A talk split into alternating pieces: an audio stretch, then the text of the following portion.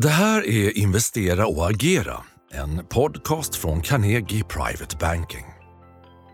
Det är tisdag den 4 april. Påsken står för dörren och vi laddar upp med samtal om investeringslandskapet och eh, konjunkturbilder framåt.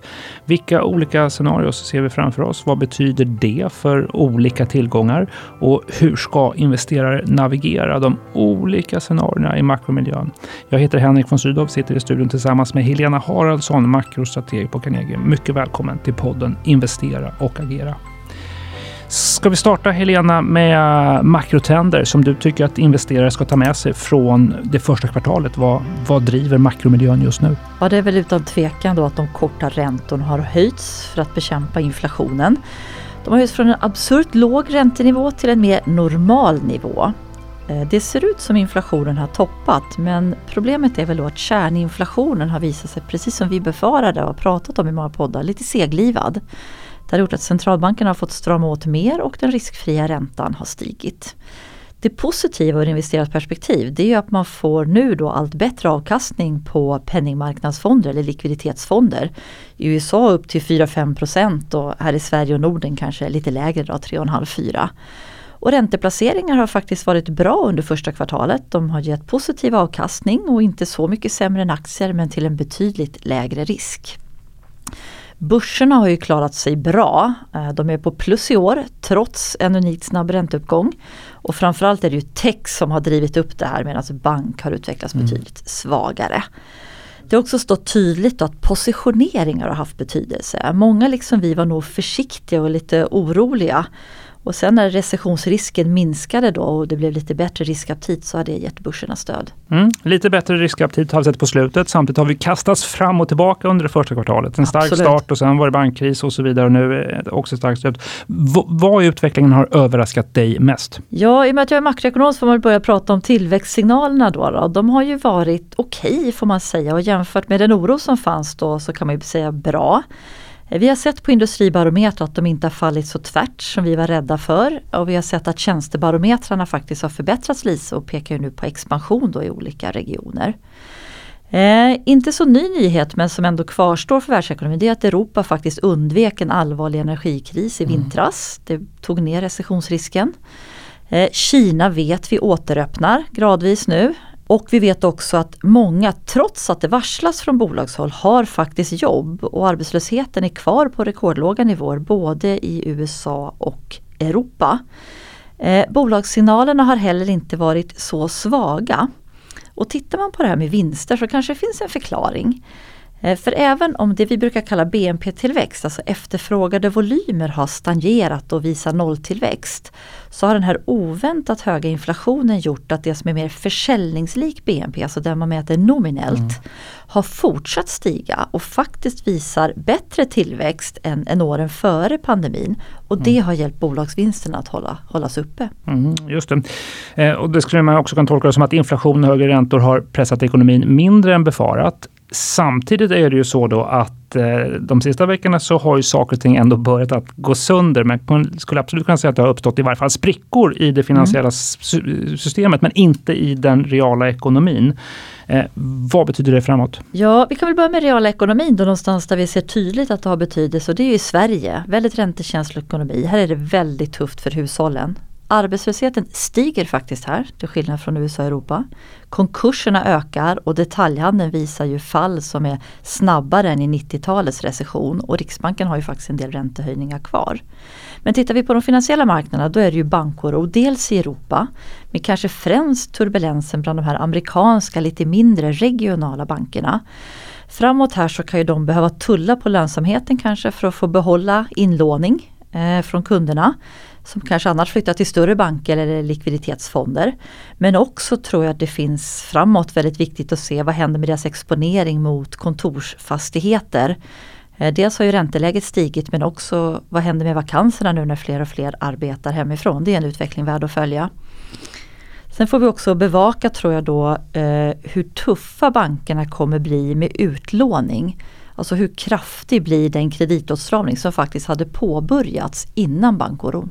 Kommer den accelerera eller inte? En stramare kreditgivning kommer ju naturligtvis påverka konjunkturscenarierna framåt. Ska mm. vi titta på konjunkturscenarierna? Vi brukar ju när vi pratar om dem för enkelhetens skull dela in dem i tre stycken. Pratar man med aktiemarknadsspråk så kan man ju prata om att vi har ett bull case, vi har ett bear case och vi har ett base case. I din värld, om vi ska börja med det, det negativa konjunkturscenariot, hur ser det ut? Ja, det är ju att den här nya högre räntemiljön på grund av inflationen leder till en kraftig konjunkturinbromsning, alltså en djup, res, djup recession eller vad man också ibland kallar för hårdlandning eller hard landing.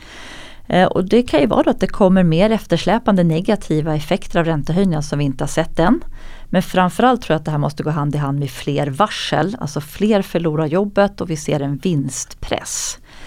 Det riktigt illa i det här scenariot det skulle ju vara om inflationen då inte faller tillbaka trots sämre konjunktur och stigande arbetslöshet. Då får vi något som man kallar för stagflation och det är inte roligt. Men sannolikheten för det här väldigt negativa scenariot har kanske minskat något då på kort sikt. Men så länge inflationen är hög så kvarstår ju den här risken. Just det. Okej, ett negativt scenario med kraftig inbromsning i, i mm. ekonomin, ett stag, stagflationsscenario. Om det går så illa, vad ska investerare då ha i portföljen?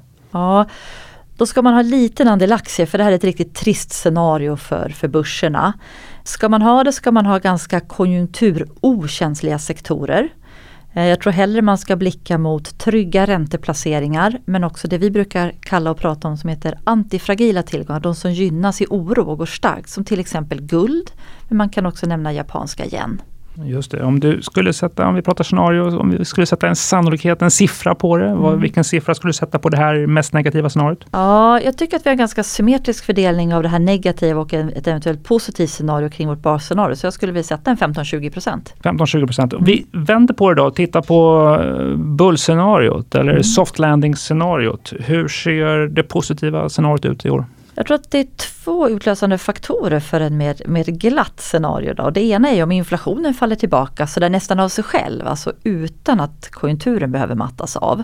Det skulle vara väldigt glädjande, då behöver centralbankerna inte göra så mycket mer på räntehöjningar. Det andra är ju om vinstpressen av något skäl då uteblir. Kanske om nominell försäljning blir, faller mindre än väntat och att vi inte får så stor marginalpress. Eh, men här har vi lite dubbla signaler tycker jag. Från mikro då, bolagen så kan man ju nämna att verkstadssektorn då knappt ser någon inbromsning. Eh, Medan vi då i, i industribarometrar ser att det är ändå lite trögt med nya order och det finns fortfarande ett kostnadstryck. Mm. Sen är det lite osäkert vad marknaden uppskattar i det här läget också. Jag tror att svaga konjunktursignaler kanske inte är så negativt för börsen initialt eftersom det skulle innebära en minskad ränterisk. Men som vi har sagt många gånger, det kan ta ett tag när vi får svar på det här, vad det blir för scenario. Blir det mjuk, blir det mellan eller blir det en hård landning? Mm, efter de här vi ändå håller fast vid eh, det tuffa scenariot, det, det, mm. det är det positiva scenariot då. Mm. Eh, vilka delar av portföljen går bäst då? Ja då är det ju aktier. Mm. Det är det bästa scenariot för aktier. Då kan man tordas ladda på med lite cykliska sektorer, Precis. alltså de som är konjunkturkänsliga. Eh, ränteplaceringar blir ju då mindre attraktiva. Kanske kan man lyfta fram segmentet med lite mer hög risk då inom företagsobligationer som till exempel high yield-obligationer. Just det. Ett positivt scenario, ett negativt scenario har vi pratat om också. Om vi skulle ta ner till vårt huvudscenario, mm. vårt basscenario. Mm. Hur skulle du beskriva det? Ja, vi bedömer det som faktiskt mest troligt med en, en ganska slagig marknad eh, där vi har en liten del kvarvarande inflationsoro och vi har den här nya högre, mer normala räntemiljön som vi måste vänja oss vid. Då. Det positiva kan man säga det är ju att den här recessionen som vi har befarat den, är, den är inte här ännu.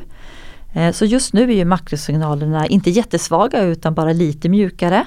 Eh, och vinstsignalerna än så länge från bolagen, nu stundar rapportsäsong snart, men de är inte så negativa om vi går utanför bygg och konsumtion som är hårt drabbade. Men det vi bevakar nu i det här scenariot det är ju väldigt mycket inflationssiffror men också jobb och löneutveckling. Det är ju, om de är höga så är det bra för konjunkturen men lite mindre bra för inflationen. Men det nya vi bevakar det är ju bankernas kreditåtstramning om den accelererar eller inte. Mm. Centralbankerna behöver hålla räntorna högre en längre tid. Mm. Higher for longer. Ja, seglivad inflation är orsaken till det. Ja, vad vill du utveckla resonera mer inflationsscenariot som du ser framför dig i ett basscenario? Ja, varuinflationen kan nog falla tillbaka men tjänsteinflationen som är mycket mer löneberoende, där är det ju svårt när vi har väldigt heta och starka arbetsmarknader. Och det här är ju det dilemma som centralbankerna lyfter fram och en av förklaringarna då till att vi tror på den här lite mer slagiga marknaden där man måste vara lite mer selektiv, där det blir fokus på värde, aktiv förvaltning och kanske stockpicking. Mm. Och också då kommentera tillgångslag som mm. kommer gynnas i den huvudsakliga makrobild som du ser framför dig? Ja, i det här basscenariot då med lite högre inflation och kanske höga räntor under en längre tid. Det är ju inte så illa för aktier men det kan ändå ge en nervös börsmiljö där börserna kanske rör sig mer i en trading range, alltså en, en korridor. Det vi vill betona det är att, och vad vi är nu, det är att vi är selektiva. Vi fokuserar mycket på stabila bolag med starka balansräkningar så man inte är så beroende av dyrare finansiering. Ser vi till regioner så är vi lite försiktiga till USA-börsen som är ganska högt värderad. Och vi ser också att dollarn har toppat. Vi har hellre då större exponering mot Europa där energikrisen nu uteblev den här vintern. Och Asien faktiskt nu så kan få draghjälp då av ett Kina som öppnar upp och stimulerar. Just det, ska vi också, vill du också resonera någonting om rekommendationer i olika sektorer givet huvudscenariot? Ja, om man ska gå, jag nämnde ju precis det här lite med regioner att vi är selektiva då, då men om man ska avsluta med några konkreta sektorrekommendationer eh, till det här lite mer då mellanlandningsscenariot och basscenariot. Då skulle jag vilja, om vi börjar globalt, då skulle jag vilja säga att när man får en slagig marknad och vill hitta med lite både konjunktur och inflationsråd men vill ha en trygg defensiv sektor, då lyfter vi fram hälsovård. Eh, sen kan vi prata energisektorn därför att den här energiomställningen det är ju alltjämt ett väldigt spännande investeringstema. Jag tycker också man kan nämna råvaror som är bra inflationsskydd i portföljen. Eh, sen har ju vi haft också ett techtema som vi har pratat en del om som har handlat om halvledare som finns i allting, bland annat AI-het. Här har vi faktiskt rekommenderat och själva tagit hem lite vinst ganska nyligen därför att det har gått så starkt i det här tech-rallyt nu under oron. Blickar vi lite mer Sverige så tycker jag ändå att man kan passa på att kanske öka lite i bank, vilket vi gjorde efter den här bankoron där vi tycker svenska banker ändå är stabila. Och ska vi summera kort, tre mm. scenarier, mm. tre olika sannolikheter. Vill du ja. kort summera, hur ser det ut? Ja, vårt basscenario är ju det här då att vi har seglivad inflation så räntorna får vara högre längre. Det kanske många skulle kalla en mellanlandning. Det kanske vi åsätter 60% sannolikhet. Symmetriskt kring det då. 20% sannolikhet för det mer positiva scenariot, alltså en mjuklandning. Mm. Där då inflationen faller tillbaka, vi undviker eh, vinstrecession.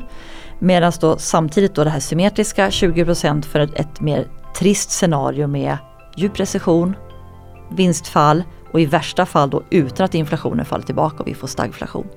Tack för det Helena. Tack alla som lyssnade också. Just apropå en högre räntemiljö så får vi allt fler frågor om Carnegies bolån för privata investerare och för entreprenörer. Är du kund och intresserad av att se över ditt bolån så kontakta din rådgivare på Carnegie.